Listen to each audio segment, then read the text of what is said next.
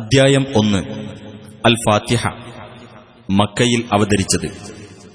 വിശുദ്ധ ഖുർആൻ തുടങ്ങുന്നത് ഈ അധ്യായത്തോടെ ആയതുകൊണ്ടാണ്.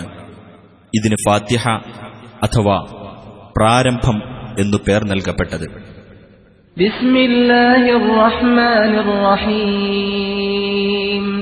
പരമകാരുണികനും കരുണാനിധിയുമായ അള്ളാഹുവിന്റെ നാമത്തിൽ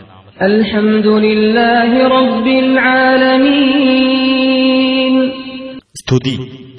സർവലോക പരിപാലകനായ അള്ളാഹുവിനാകുന്നു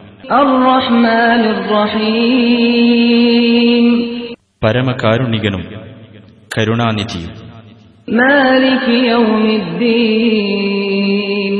പ്രതിഫല ദിവസത്തിന്റെ ഉടമസ്ഥൻ. ഇയ്യാക നഅബുദു വ ഇയ്യാക നസ്തഈൻ. നിന്നെ മാത്രം ഞങ്ങൾ ആരാധിക്കുന്നു. നിന്നോട് മാത്രം ഞങ്ങൾ സഹായം തേടുന്നു. ഞങ്ങളെ നീ നേർമാർഗത്തിൽ ചേർക്കണമേ.